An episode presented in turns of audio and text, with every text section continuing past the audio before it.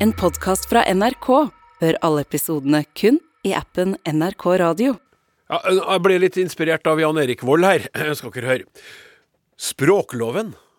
Lovspråken. Lovnspråket. Sprekloven. Sponkrolve. Vålenspråk. Jeg tror jeg stopper der.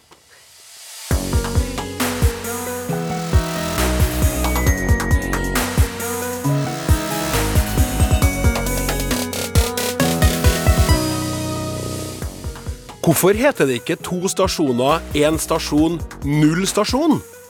Har det egentlig skjedd noe som helst av betydning etter at språkloven ble innført i januar i år? Burde NRKs ansatte blitt kursa i riktig ord stilling? Og hva er det her draget folk sier at de, unnskyld meg, driter på?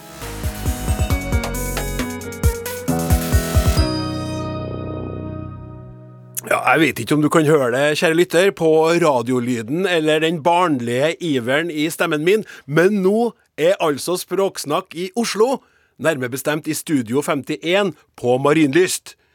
Vi fikk utreisetillatelse fra Trondheim og dro ned til hovedstaden for å delta på Språkdagen, og for å lage denne utgaven av et av Norges aller beste NRK P2-program om språk. E-postadressen er som vanlig snakk.krøllalf.nrk.no. Et herlig knippe lytterspørsmål skal besvares. Vi vil også sveipe innom noe av det som er opp til debatt på Språkdagen. Jeg heter Klaus Sonstad, og i studio i, sammen med meg her nå så sitter direktør i Språkrådet Åse Vetås. Språkforsker Terje Londal og Karoline Riise Kristiansen, språksjef i NRK. Velkommen alle tre. Tusen takk. Tusen takk. takk.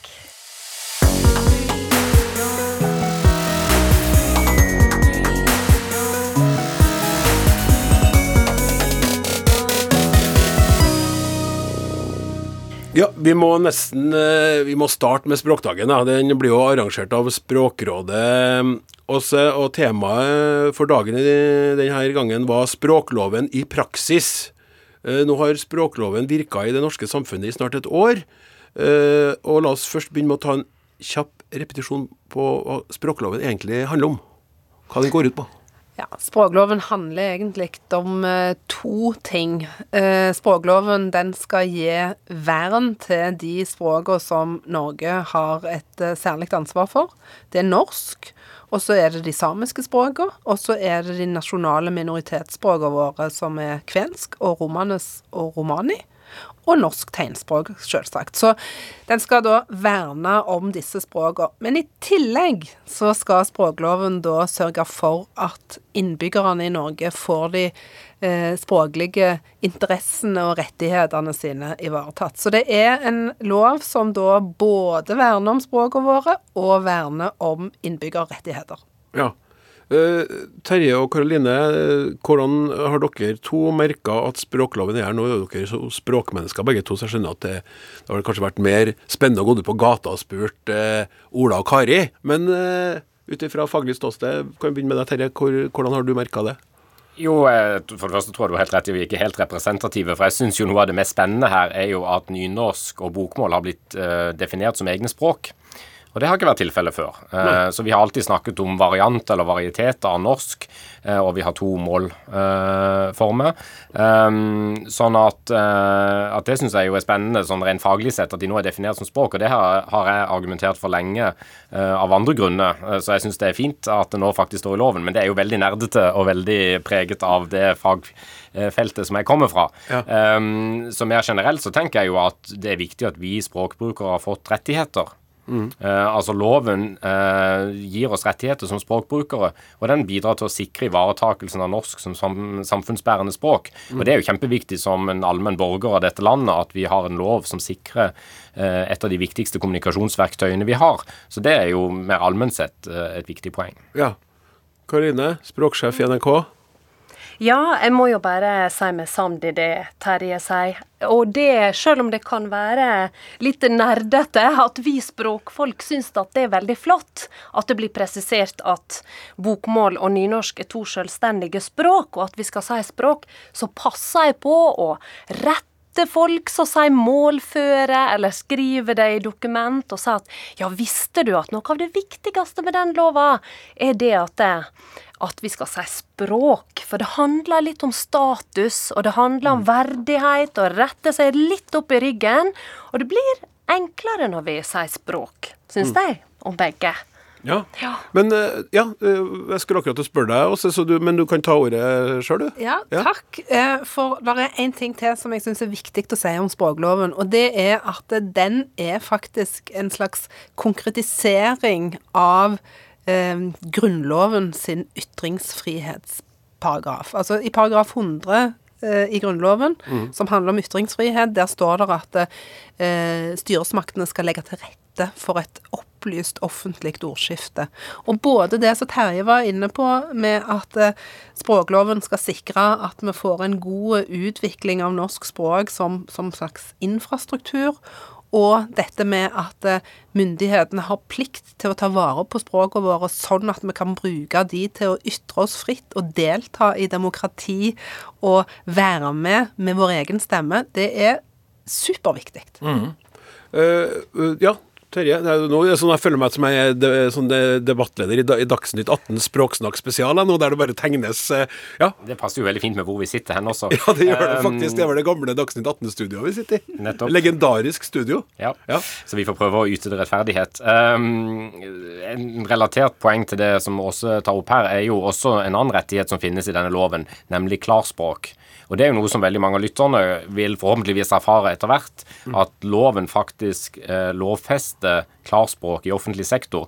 Og Det betyr at staten skal kommunisere på et tydelig og forståelig språk. Man må få vekk disse eh, dokumentene man ofte får fra et offentlig kontor som er nesten ugjennomtrengelig og uforståelig, eh, selv eh, for de av oss som måtte være spesialister på språk. Eh, sånn at Det er jo ikke noe som jeg tror veldig mange har merket så mye til foreløpig, men jeg tror de vil merke veldig mye til det i årene som kommer, for det er stor interesse også i det offentlige. Eh, Nav er jo en organisasjon som har gått foran som et godt eksempel eh, for å gjøre noe med dette problemet. Så det tror jeg blir noe som hvermannsen vil eh, forhåpentligvis sette pris på i årene som kommer. Vi har snakka om eh, klarspråk i eh, Språksnakk, og vi har også vært innom Nav sitt arbeid. Det er fascinerende hvor man kan jobbe hardt for å få folk til å forstå ingenting. Hvis man bare legger vondviljen til, skulle jeg til å si. Karoline? Ja, eh, akkurat dette her med eh, hvordan vi vil merke lova videre i åra som kommer. Jeg tror vi kommer til å merke det mer enn hva vi har gjort kanskje til nå, da, for det er noe med at den skal sette seg. Men som språksjef i NRK så har jeg merka meg én ting, og det er det at eh, i år så mener jeg at jeg har fått flere henvendelser, telefoner og e-poster fra andre offentlige etater, organisasjoner og virksomheter som lurer på hvordan, hvordan gjør NRK det når det gjelder språk. Hvordan røkter vi språket? Om vi kan komme og holde kurs i språk klarspråk eller nynorskkurs, om vi har tips til folk som kan gjøre det, og sånne ting. Så jeg tror det, at nå ser vi at det begynner å røre seg, at det, at det begynner å leite etter verktøy for å hjelpe seg, da. Det der er jo så bra at du sier. Du skal også få lov til å svare på noen spørsmål som er retta til, til NRK og språket. Handler om språket til NRK etterpå, eller senere. Men, men det var det jeg skulle eh, til nå. Altså, vi, nå snakker vi snakker godt og varmt om språkloven og hva den, hva den kan gjøre for oss, hvor viktig den er for det demokratiet vårt. Og grunnleggende det er viktig det med å ha et eget språk, eller ha egne språk. Unnskyld. Eh, men, men hvordan er den, er den, har den kommet i gang? Har, Språkloven er jo knapt et år. Eh, Den, den blir feirer vel eh, ettårsdag i januar. Ja. Ja, 1. januar. Eh, ja så, så per, per nå, da, Åse, hvordan står det egentlig til med bruken av språkloven? Jo, det vi ser det, Ærlig nå. Ja, helt ærlig. Det vi ser, det er at uh, de uh, gamle uh, delene av loven som, som var med oss fra den gamle eh, målloven, altså det som gjelder veksling mellom bokmål og nynorsk, det står det fortsatt ikke så bra til med. Men det arbeidet som eh, Terje og Karoline her snakker om med klartspråk, det er det nok eh, veldig mange som har tatt eh, tak i med liv og lyst. Vi vet at det er faktisk et ganske lystbetont arbeid, fordi at det er så En ser effektene så raskt. Det er bra for omdømmet til virksomheten. En kan effektivisere og spare penger på det. En får mer fornøyde innbyggere.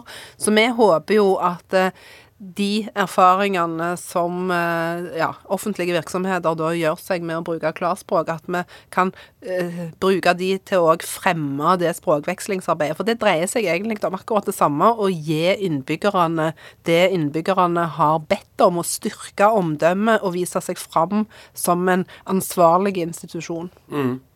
Uh, og så er det et annet element som har tatt opp på språkdagen, og det handler jo om, om hvordan vi navngir uh, offentlige institusjoner. Syns jeg er veldig spennende. Vi har jo snakka om det i Språksnakk tidligere, og det er viktig. Det er du veldig opptatt av, blant annet, også? Det er jeg veldig opptatt av. Og du har jo gått hardt ut mot ja. uh, spesielt ett prosjekt. da, Vi kan jo nevne, snakke litt om det, før vi tar og kommer med en gladsak fra denne uka, som endte på den rette sida, antar jeg. i hvert fall sånn som jeg har forstått hva du tenker. Mm. Men si litt om, eh, om det her Oslo Science eh, Hva heter det igjen? Science Oslo Science City. City og ja, akkurat her som vi sitter nå, i NRK-bygningene på Marienlyst, det skal jo bli en del av Oslo Science eh, City, faktisk. Ja. Og eh, Oslo Science City, det er i utgangspunktet en medlemsforening. Mange offentlige aktører, noen private, som da har samla seg for å bygge det de kaller et eh, innovasjonsdistrikt. Og det innovasjonsdistriktet har da fått navnet Oslo Science City. Og det har vi i Språkrådet reagert på, fordi at det både er i strid med intensjonene i språkloven, og det er i tillegg i strid med eh, regelverket som ligger i stedsnavnloven. Mm. Og vi ser jo at eh, det som har skjedd i denne saken, det er at alle disse store offentlige virksomhetene, Universitetet i Oslo, Oslo kommune, eh, eh Oslo universitetssykehus, Helse Sør-Øst med flere, de har organisert seg i denne medlemsforeningen, og da ser det ut til at de slipper taket i den språkpolitikken de skal utøve eh, på jobb eh, i statsorganet eller i den offentlige virksomheten. Og det prøver vi å pirke litt i, for vi mener at når en er på jobb i det offentlige, så skal en ha med seg eh, den politikken og de intensjonene som Stortinget har levert, og når en organiserer seg på andre måter, eller når en setter tjenester ut på anbud. På Språkdagen så ble det snakk om at eh, det ble snakket flere ganger om hår i suppa. Eh, Språkrådet skal være en sånn eh, hår i suppa der, og skal si fra og pirke, som du sier. Det var en ganske tydelig pirking å dreve med der, da. Ja. I, I, kronikker og veldig sånn klart ja, men, flagga mening. Ja, men samtidig så er jeg opptatt av at uh, vi kan veilede dem, men de må gjøre det sjøl. Språkrådet er en bitte, bitte liten statlig virksomhet 38 medarbeidere. Vi jobber med mange språk og har mange oppgaver. Og vi kan ikke løse alle språkpolitiske problemer i alle andre sektorer. Vi er avhengige av at de tar vår veiledning og tar sitt språkpolitiske ansvar på sine egne fagfelter og på sine egne virkeområder. Før vi kommer til denne gladsaken, eh, så tenkte jeg vi skulle spørre deg, Karoline, eh, om Eller vi. Nå ble jeg, jeg plutselig vi, jeg nå. Jeg skal, det er jeg som skal spørre deg. Uh, NRK har jo et, altså et enormt antall programmer og serier og podkaster mm. og TV-program mm. og radioprogram. og Alt det der eh, Det er mange av de programmene som ikke har titler på norsk. Mm. og De heter mye, mye rart. Mm. Og vi har jo engelskpåvirkning eh, som aldri før. Mm. Hvordan tenker du på det eh, som språksjef? Jo, vi har jo helt klare språkregler i NRK. Eh, og der står det bl.a. det at vi skal bruke norske ord og uttrykk. Og også det at vi ikke skal bruke ord og uttrykk som er fremmede for målgruppa. Ikke sant? Det er reglene våre.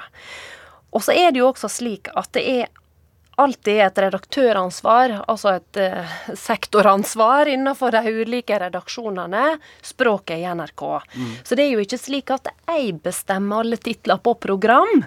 Men jeg kan si det at det er et dilemma spesielt inn mot de yngre målgruppene. Der ser vi det at det, ønsket om titler på engelsk, de kommer oftere og oftere. Jeg har ikke tall på hvor mange diskusjoner vi har hatt på nettopp det. I tillegg, og nå gjør dere kanskje, kanskje oppmerksomme på, på, noe helt annet, men det er det at det, ja, der kommer også engelsk skrivemåte.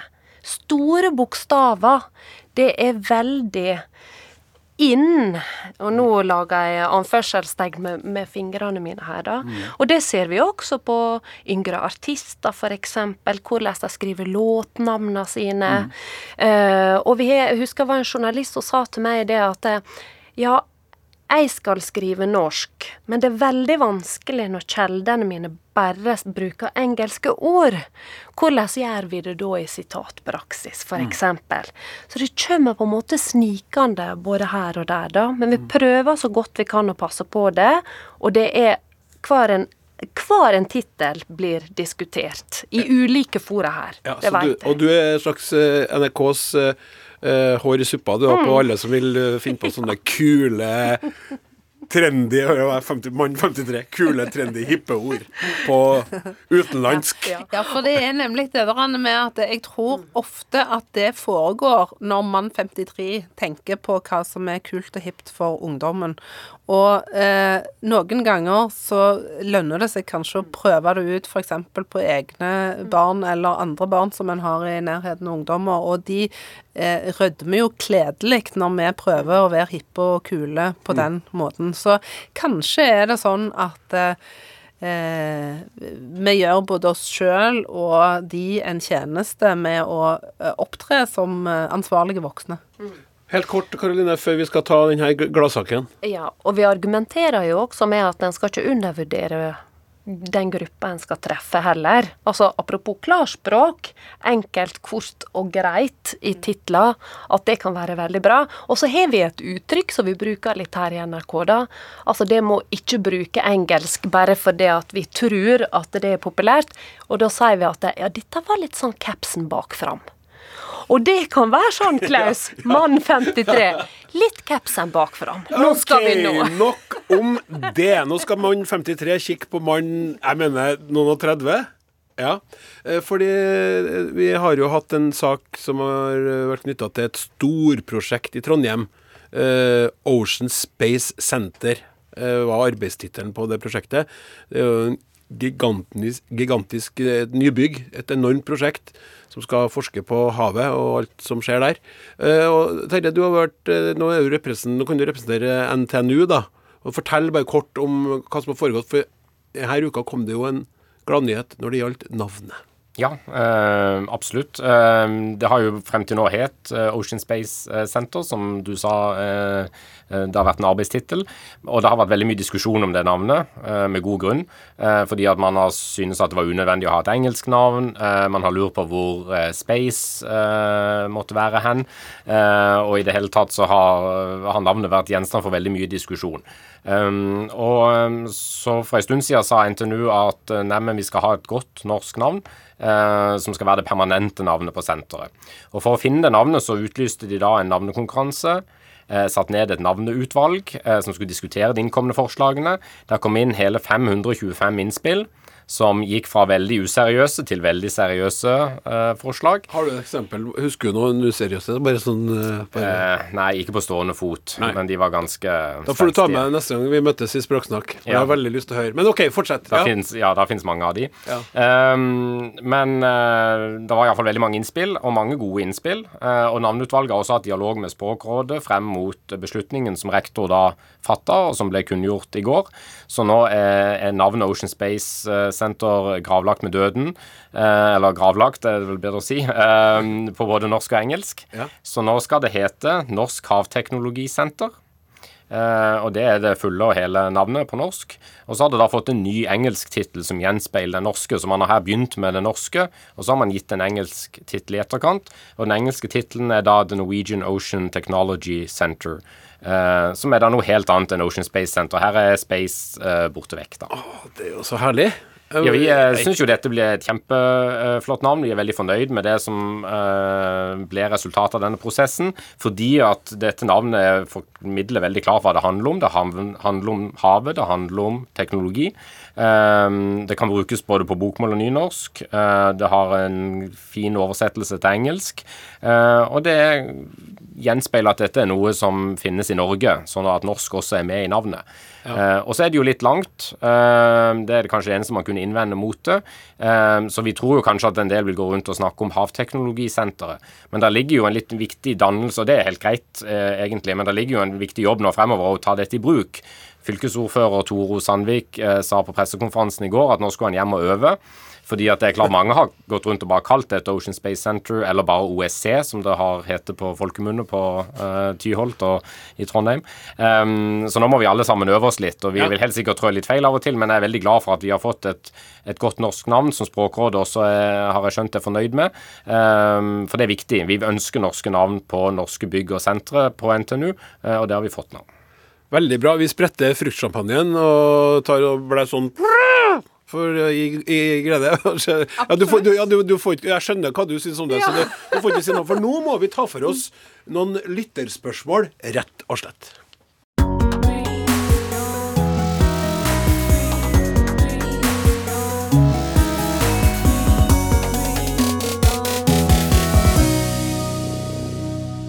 Har fått inn et uh, jeg syns et veldig uh, Altså, alle spørsmålene er fine, jeg graderer ikke sånn, men jeg blir jo litt sjarmert av at det er en undring fra en gutt på seks år. Hei, og takk for veldig bra program. Jeg har et spørsmål fra Adam, seks år. Han flyttet fra et annet land til Norge i sommer, og begynte i første klasse på vanlig norsk skole i august. Han er allerede tospråklig, arabisk og engelsk, og er nå i ferd med å lære norsk. Han har allerede gått ett år på skole i hjemlandet før han flyttet hit. Jeg er hans gudmor, jeg elsker språk og snakker selv fire språk flytende. I sommer hadde jeg gleden av å tilbringe mye tid sammen med ham, og vi benyttet enhver anledning til å leke inn så mye norsk som mulig før skolestart. Da vi tok T-banen, brukte han å lese navnet på stasjonene. Det gjør han fortsatt, og vi benyttet samtidig muligheten til å få inn tallene på norsk ved at han sa hvor mange stasjoner det var igjen til vi skulle gå av. Dermed fikk vi trent på både entall og flertall. Flertall, nå er det to stasjoner igjen. Entall, nå er det én stasjon igjen. Og så kommer problemet.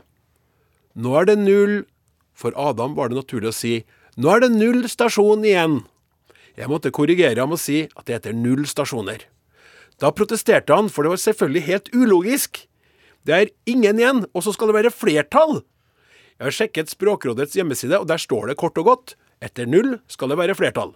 Men da er vi jo like langt, for det forklarer fortsatt ikke hvorfor det er slik. Håper det kan gi Adam og meg en forklaring. Vennlig hilsen Gry. Jeg ser for meg Adam. Det er så rørende. Skjønner, tenker at han har skjønt det, knekt koden, og så bare rakner alt. Terje? Ja, Dette er en kjempeinteressant eh, problemstilling, og ikke minst veldig godt observert. At de har da funnet et slags hull, da, eh, øyensynlig, i det norske språket. Ehm, for det generelle fenomenet her er jo akkurat som Gry beskriver, jeg regner med det er hun som har skrevet e-posten og ikke, ikke, Adam på sex, ehm, det er jo at det er samsvar mellom tallordet og substantivet. Én bil, to biler, tre biler osv. osv. Så, så de fleste vil jo ha flertall, eh, bortsett fra når det er bare snakk om én, selvfølgelig. Og så er det jo kjempeinteressant hva vi gjør eh, med null, og det Språkrådet har utvilsomt rett når de sier at det skal være flertall etter null. Det er det de fleste av oss ville si, og det er det vi må skrive i skrift, i alle fall. Så det må hete null stasjoner eller null bøker, ikke null bok. Um, og så er spørsmålet selvfølgelig hvorfor er det slik, da?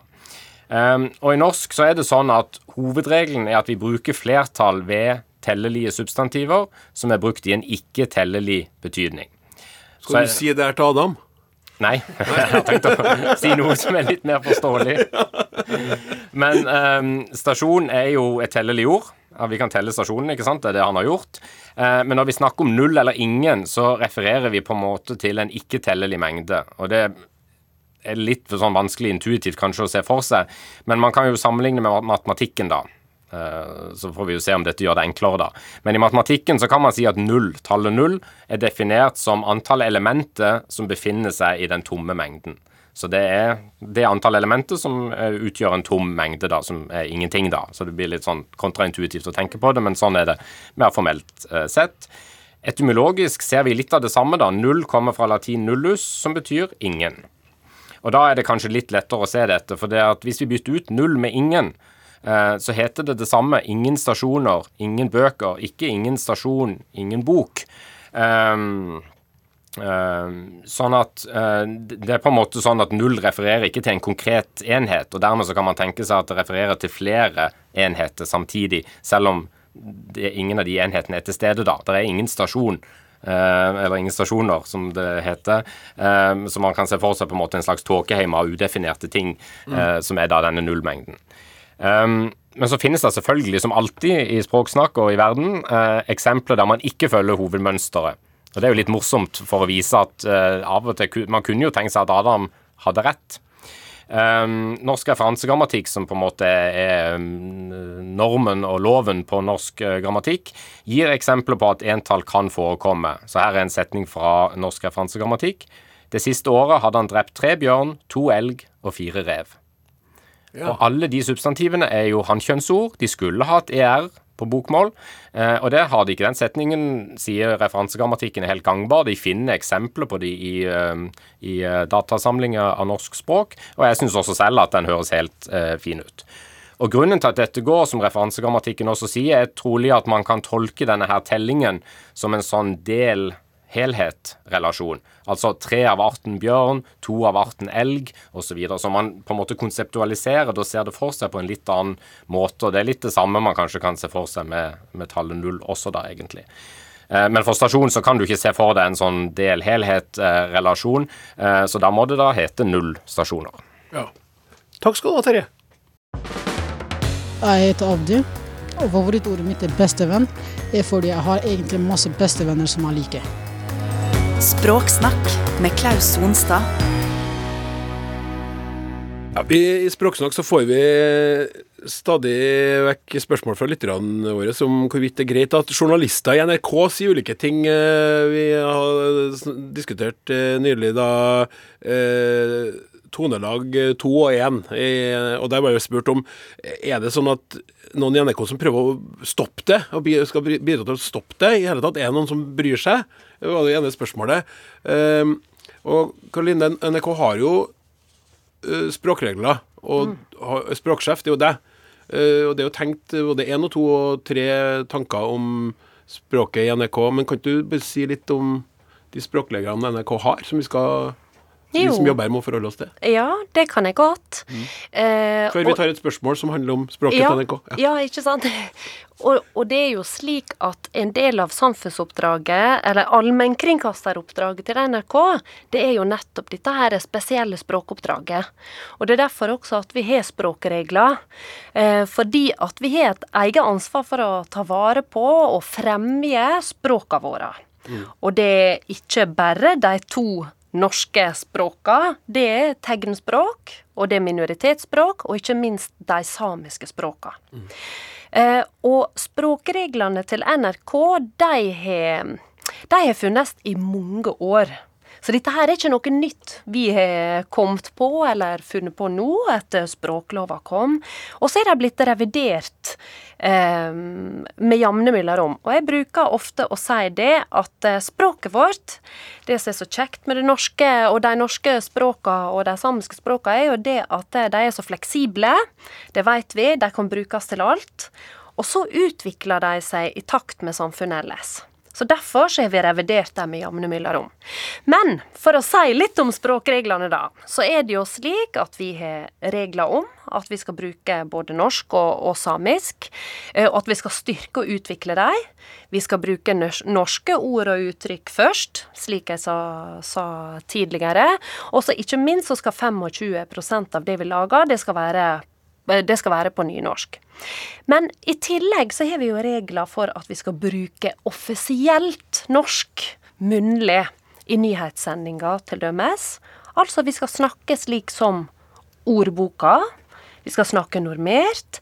I tillegg så skal dialekt få godt rom eh, i, i distriktssendingene våre. Mellom annet. Perfekt at du nevnte det fordi det har kommet inn et spørsmål som handler om nyhetssendinga. Eh, jeg har skjønt at NRK har en språkpolitikk når det gjelder nyhetssendinger. Ulike varianter og nynorsk og bokmål benyttes, og av og til enkelte dialekter. Men jeg undres på, etter å ha hørt en nyhetssending på radioen dag, om NRK har en tallpolitikk.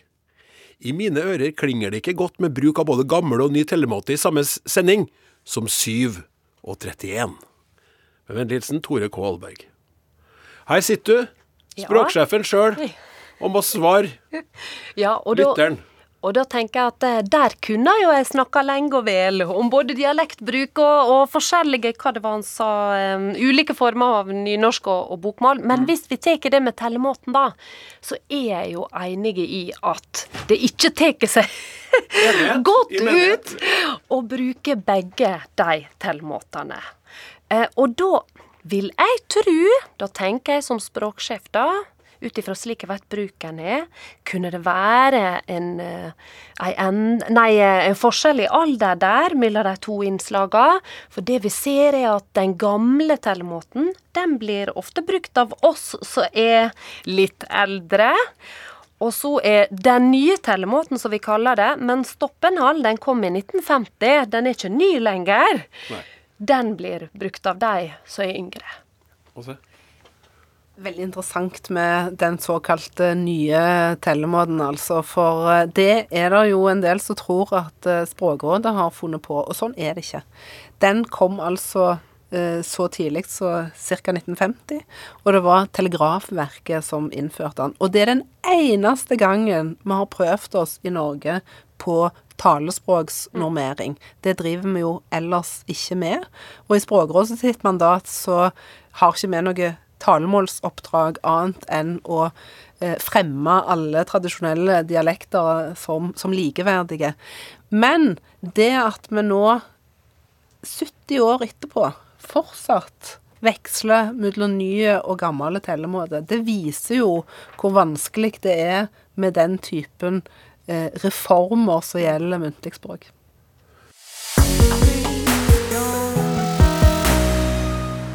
Hei! Jeg synes et veldig beskrivende og bra uttrykk for at ikke alt går som planlagt, er å drite på draget. Men hva er egentlig draget, og kan det drites på? Vennligsen Eva, med sånn flirseier-emoji etterpå. Kort og greit lite spørsmål, Ja, eh, men eh, ja. Og, og eh, jeg kan jo begynne med å si at eh, dette er et Altså, nå kommer det et svar som er litt til lands og litt til vanns, for å si det på den måten. Og eh, vi kan jo begynne med det første, til lands. Og det tar utgangspunkt i at eh, draget det er fra den tida vi kjørte med slede eller kjerre. Og da eh, var det da selvsagt en hest framfor.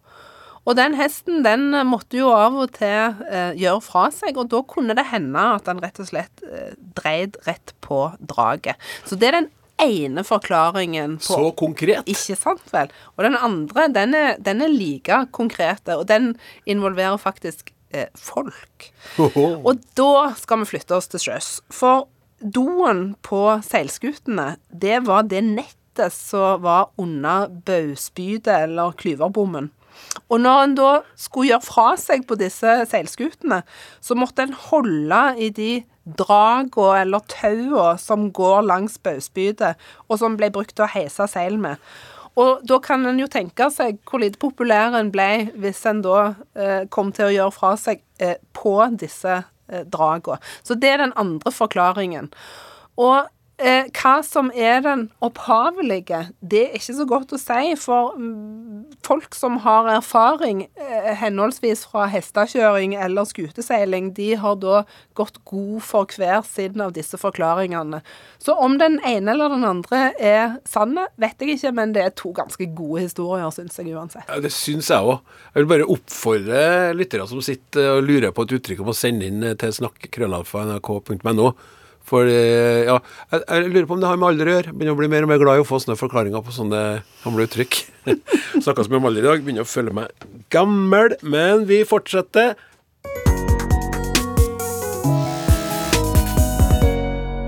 Hei! På engelsk heter det He is a journalist. Dette har kommet inn i det norske språket, slik at mange nå vil si han er en journalist. Dette er jo ikke til å misforstå, men man venter ofte at en eh, relativsetning legges til. Han er en journalist som jobber for Dagbladet, NRK, Adresseavisa. Misforståelse kan derimot oppstå når arbeidsoppgavene trekkes inn. Han jobber som en journalist. I dette tilfellet er ikke hovedpersonen journalist, men han jobber på en måte som gjør at han kan sammenlignes med en journalist. Kanskje han går rundt og spør folk om hva de mener om ulike temaer. I saken om forskeren, og da er det hermetegn igjen, da, tidligere brukte sendinga, som er arrestert i Tromsø, ble det sagt. Han er en brasilianer. Rart. Han er en brasilianer som har jobbet som en forsker. Med vennlig hilsen Marit Wold. Ja, Terje? Ja, eh, det korte svaret her er jo eh, ja. Det, lytteren eh, har mange gode og riktige observasjoner her. Det er lytternes dag. De har jo rett opp til flere ganger. Ja, men det er jo litt kjedelig å bare si at det er stort sett riktig, og så, så vi må si litt mer, syns jeg. Og prøve å forklare litt hvorfor det er sånn at, at dette skjer også. For det er jo en, en endring som lytteren observerer, som er helt riktig at, vi, at skjer. Ehm, så utgangspunktet er jo helt riktig at det skal hete 'han er, journalist'.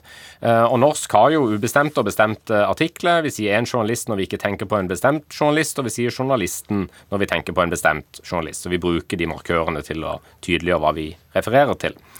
Og så er det jo sånn at noen eh, tilfeller eh, krever ikke eh, en sånn artikkel. Og da kan vi bruke det vi kaller nakne substantiv. Eh, og Det er jo en flott eh, beskrivelse. For dette er substantiv uten noen form for artikkel, så de spankulerer nakne rundt om i setningen. Eh, og dette gjelder særlig Et fantastisk bilde. Dette gjelder særlig når vi bruker en såkalt identifiserende frase som i nettopp 'han er journalist'. Da sier vi noe om han, tillegger noen egenskaper til han eller hun, hvis det var en dame. Og Disse frasene fungerer da teknisk sett som subjektspredikativ, altså de gir oss utfyllende informasjon om subjektet. Eh, og Derfor ville det være naturlig ikke bruke ubestemt artikkel her, og det er sånn det tradisjonelt har vært. Og Så kan man jo tenke på, ja, er det noen gode grunner til at det har endret seg litt, sånn at flere har begynt å dytte inn en ubestemt artikkel, eh, som i eksemplene fra eh, lytteren her. Um, en mulig um, faktor her er jo at disse nakne substantivene forekommer ganske sjeldent, fordi at substantivene er ikke så glad i å være nakne, så de vil helst ha noe rundt seg. Um, og dermed så kan man tenke seg at fordi at de er så lite vanlige, så vil man bruke de vanlige mønstrene, og da vil man slenge inn en ubestemt artikkel, fordi at det hører man hele tiden, mens man hører veldig få nakne substantiv. Men en kanskje vel så sannsynlig faktor eh, som ligger bak dette, er nok at eh, mange nordmenn kan ganske mye engelsk. Og på engelsk så er det veldig vanlig å ha en artikkel her. Mm. Eh, fordi at her skiller norsk og engelsk seg. Eh, sånn at på engelsk så må man si 'he is a journalist'. Eh, du kan ikke droppe 'ø'. Um, sånn at det kan også være en sånn underliggende uh, påvirkning fra engelsk for en del. Uh, det er iallfall en mulig hypotese som man må, i så fall måtte undersøke litt, uh, litt nærmere. og så vil jeg bare til slutt si at hvis man da skal dytte inn en ubestemt artikkel, så er det helt naturlig på norsk å legge til en relativ setning for å legge til mer utfyllende informasjon. men det er jo det viktigste er kanskje at mange har begynt å bruke dette uttrykket uten relativ setning og med ubestemt artikkel, eh, og det er en endring som vi nok vil se mer av i årene fremover. Engelsken eh, min, eh, Det er mitt tips. altså Jeg hadde putta femmeren på engelsken. Men det er jo efter, gjennom to år med språksnakk snart, så har vi snakka mye om den påvirkninga her. Takk skal du ha, Terje. Og bare innom et fint lytterinnspill her. Ikke bare får vi massevis av spørsmål sendt inn til snakk krøllalfa.nrk.no, men hvis vi spør om innspill fra lytterne, så får vi også svar. Hei! Viser til samtale om fotball og språk. På islandsk heter posisjonene på høyre og venstre side i Forsvaret bak bakvørdur. Jeg prøver, jeg, prøver, jeg tror ikke jeg får sånn bakvørdur. Bakvørdur. Hægre i bakvørdur og vinstri bakvørdur. Ordet vørdur er jeg helt på bærtur, eller går det vørdur? Vørdur er som ordet vakt i målvakt på islandsk markavørdur. Vørdur er også i slekt med ordet varde. Så oversatt til norsk kunne vi gått for bakvakt eller bakvard. Høyre bakvakt og venstre bakvakt eller høyre og venstre bakvard. Enkelt og greit. Einar Bjarki Malmquist. Hei! Jeg foreslår vingvakt som erstatning for back, i den grad erstatning er nødvendig. Med vennlig hilsen Morten Bremer Mæli. Takk skal dere ha, begge to. Språksnakk med Klaus Sonstad. Karoline, her har det kommet inn eh, en eh, skikkelig godbit for språksjefen i NRK fra Per Ivar, som skriver ja, Først så, så skryter han litt, det er veldig hyggelig. Men så har folk uh, tydeligvis de føler et press for å skryte, for at jeg leser opp så mye skryt, så nå hopper jeg vel skrytet til en uh, Per Ivar. Men Per Ivar, jeg må bare si tusen takk skal du ha for alt det fine du skriver. Men så her kommer det. Ordstilling. Jeg hører mye på radio leser aviser, bøker og tidsskrifter. Hver eneste dag, ofte flere ganger, leser eller overhører jeg besynderlig ordstilling, og lurer på om de som skriver i avisene og snakker i radio og TV, kvalitetssjekker måten de formidler opplysninger og informasjon på. Senest i dag, 2.11. var det her da, hørte jeg på NRK Dags, Dagsnytt og avvikleren si alle stemmer er ikke talt opp. Når alle ikke er talt opp, må det bety at ingen er talt. Eller er det riktigere å si telt opp? Jeg forstår hva som menes, men ordstillingen er dårlig. Det nyhetsoppleseren burde sagt var ikke alle stemmer er talt, telt opp. For budskapet er åpenbart at mange stemmer er talt opp, men ikke alle. Samme dag ble det på NRK sagt følgende. Mannen erkjente å ha drept pinnsvinet da han møtte retten. Var det slik at han drepte pinnsvinet da han gikk inn døra til rettssalen? Eller kanskje mens han satt på tiltalebenken? Neppe. Her skulle radiostemmen ha sagt da mannen møtte retten, erkjente han å ha drept pinnsvinet. Hadde disse to eksemplene på dårlig skråstrek feilaktig ordstilling forekommet sjelden, kunne de passert uten at jeg irriterte meg nevneverdig, men når slikt forekommer i mine foretrukne radiokanaler NRK P1 og P2 mange ganger hver dag, er det behov for kursing av staben, skriver herr Henriksbø fra Lillehammer. Karoline, ærlig talt. Ja, ærlig talt. Altså eh, Det er herlig talt òg, da. Ja, det er jo det er herlig det. talt Det av det. Per Ivar. Ja. Ja. Eh, og det er jo Jeg må jo innrømme det at det- det er jo synd at han mener han hører det oftere og oftere i, i sendingene til NRK. Eh, og når, når du las opp denne der med pinnsvinet som ble drept idet han gikk inn i rettssalen, så kom jeg på min gamle norsklærer som hadde et døme for oss. Heng ham, ikke vent til i morgen. Ikke sant? Og det er lenge siden jeg gikk på ungdomsskolen nå, så dette her, dette her med at vi ødelegger ordstillingene eller bytter om på det, det er jo noe som har vært lenge. Men det jeg tenker på, er det at når det blir feil, så er det ofte snakk om to ting. Og det er det at nå, mer enn hvordan det var før, da hadde vi jo et manus, et skriftlig manus, så vi dobbeltsjekka, kvalitetssjekka på at det var rett. Vi skal også kvalitetssjekke nå, men det blir mer og mer eh, direkte tale, både på radio og TV. Vi har, det er timevis med direktesendinger der eh, reporterne ikke har manus. Det er jeg bekymra for, men det jeg er mer bekymra for, det er det at disse ordstillingene som blir feil, synes jeg da er et uh, mer påvirkning av engelsk. Altså, vi bruker ikke Again? engelske ord, Ja. men vi snakker norsk med norske ord med engelsk ordstilling. Og det er jeg nesten enda mer bekymra over. Ja. Ja. ja. OK. Har dere noen uh, kommentarer på det her? Det er ikke Ja, Terje? Altså, Det er jo ikke så rart, som Karoline sier, når det ikke er manus, at det blir litt eh, i gåseøyne feil. Uh, og, og det kan man jo da fokusere på feilene og synes at det er negativt, men jeg vil jo egentlig snu det og si at de aller fleste av oss forstår jo i disse tilfellene helt utmerket ut fra konteksten hva det er snakk om. Sånn at vi har jo en helt fantastisk evne Uh, gjennom den språkkompetansen vi besitter i muntlig språk, til å lage mening selv om det kan være når man begynner å analysere de sånn isolerte sammenhenger, litt krøkkete. Um, så det syns jeg jo også er en vel så fascinerende aspekt ved dette, at vi har denne evnen til å, å skape mening likevel. At språkevnen vår er sånn innskrudd at vi lager mening som blir riktig, da. På tross av at, uh, at de kan selvfølgelig tolkes på en annen måte også, men jeg, jeg tror jo ingen ville tolket de sånn uh, i den konteksten de ble fortalt likevel. Så betyr ikke det at man ikke skal være opptatt av at det skal være riktig, og at vi tilstreber tydelig og utvetydig kommunikasjon. Det er selvfølgelig kjempeviktig for NRK, men jeg syns jo vi bør tillate oss å være litt fascinert over den evnen vi har til at vi stort sett i vanlige samtaler ikke legger merke til de feilene. Og vi begår de alle sammen stadig vekk.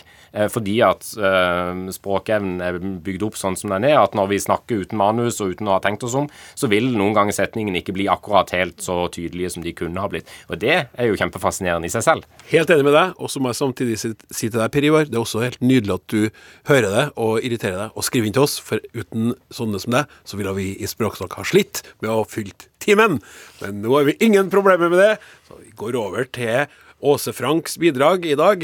Eh, Det er Språksnakk du hører på, Og vi har prata mye om språkloven på starten av sendinga, for vi har vært på Språkdagen denne uka. Sitter jeg med språkdirektør Åse Vetås og språkforsker eh, Terje Londal og NRKs egen Karoline Riise Kristiansen, som er språksjef. Og nå kommer spørsmålet fra Åse, i, altså Åse Frank, da. I løpet av det siste året har jeg lagt merke til en endring i bruk av språket hos den yngre garde. Lurer på om vi skal innom engelsk her òg, altså. Jeg begynner å ane meg. Blant annet hos min egen datter, som er ni år. Én ting er bruken av hund som erstatning for henne, som virkelig har bredt om seg. Men jeg har observert at mange nå også sier hunds som erstatning for hennes. Eksempelvis det var hunds vanter. Og da må jeg nesten spørre dere vise i språksnakk. Altså dere, dere viser i språksnakk, språksnakk. Er det flere som kjenner igjen dette fenomenet, eller er det bare tilfeldige observasjoner i Nordre Nittedal? Er det kanskje en naturlig utvikling som følge av endring i bruken av hun-henne? Personlig må jeg innrømme at dette ennå ikke klinger så godt i ørene, og at jeg derfor retter litt på egne barn når jeg hører dette. Setter stor pris på å høre deres refleksjoner rundt dette språklige fenomenet. Terje Aase, vær så god. Ja, det, Vi kan jo begynne med å bare slå fast at norsk eh, tradisjonelt skiller mellom subjekts- og objektspronomener. Så vi har jeg, meg, du, deg, eh, han, ham, eh, hun, henne, vi, oss osv.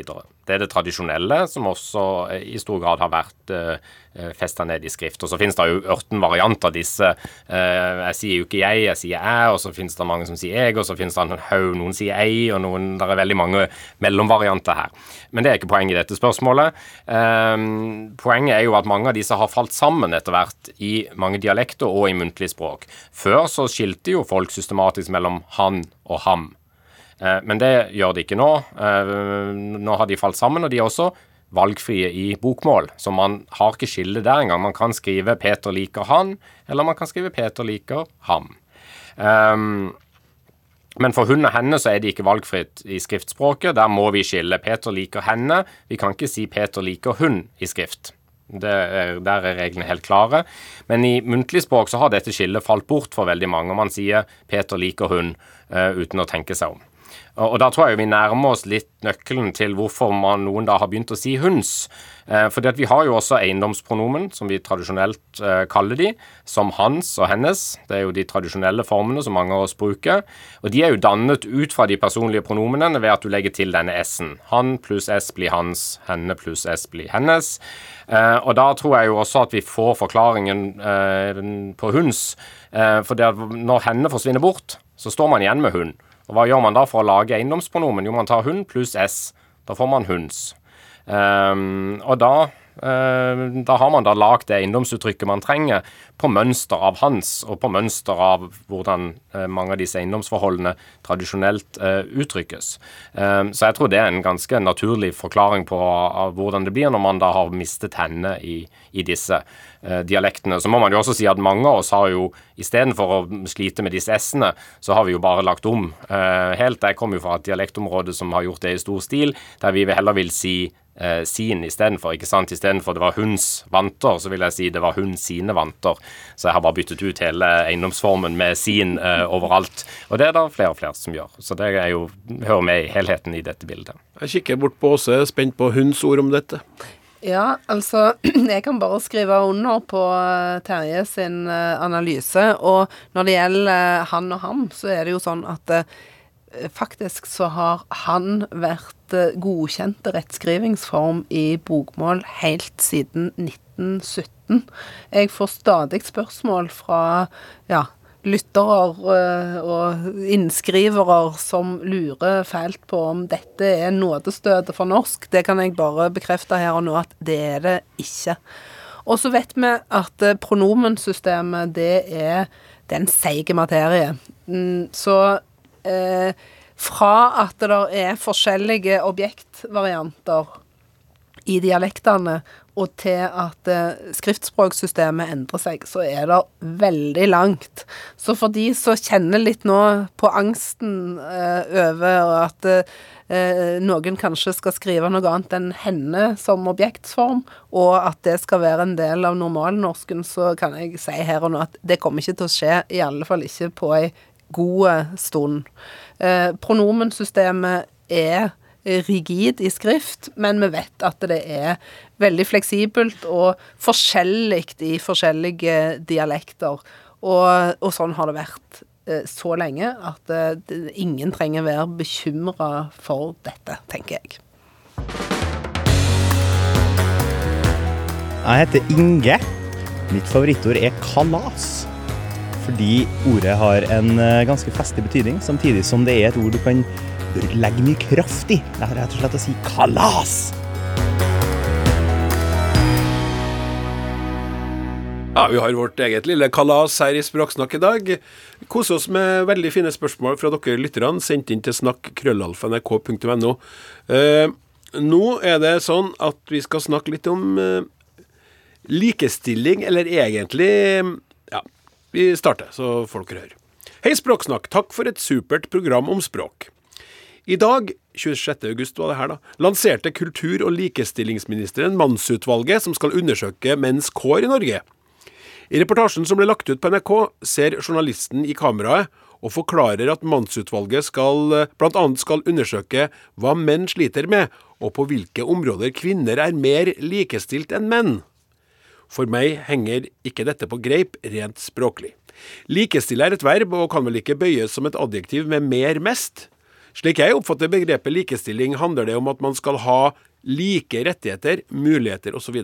Altså er det enten likt, likestilling, eller ulikt, ikke likestilling.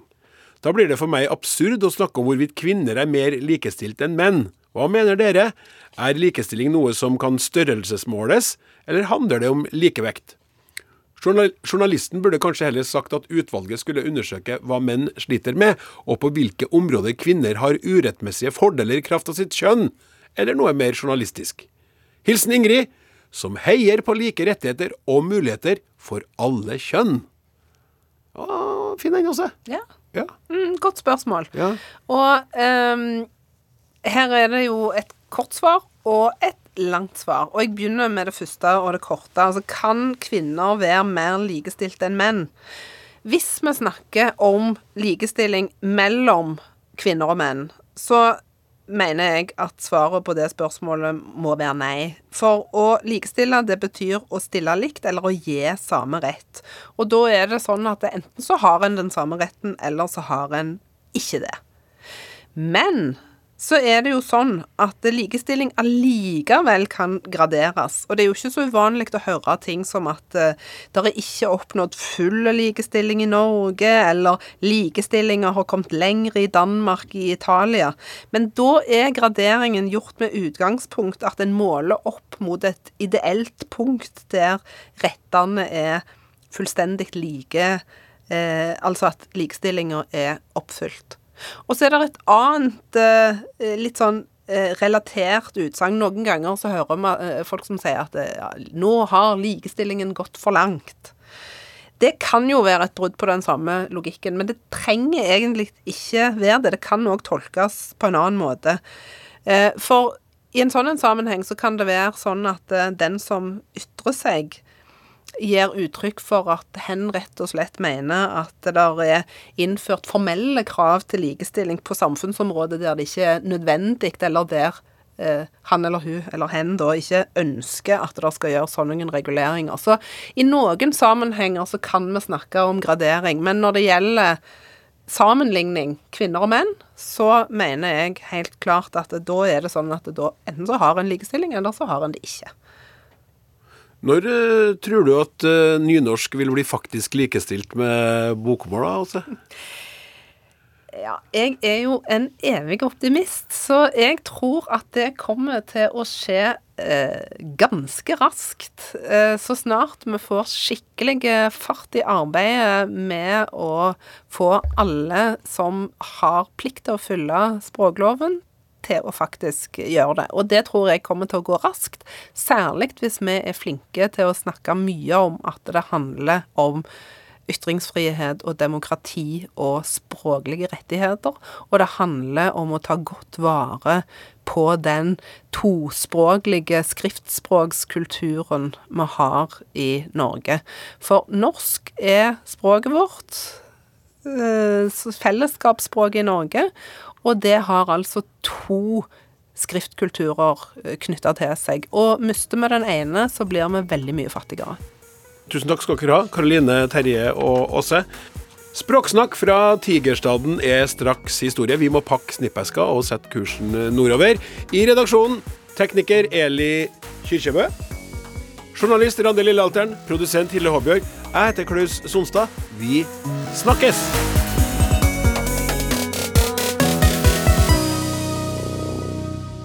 Du har hørt en podkast fra NRK. Hør alle episodene kun i appen NRK Radio.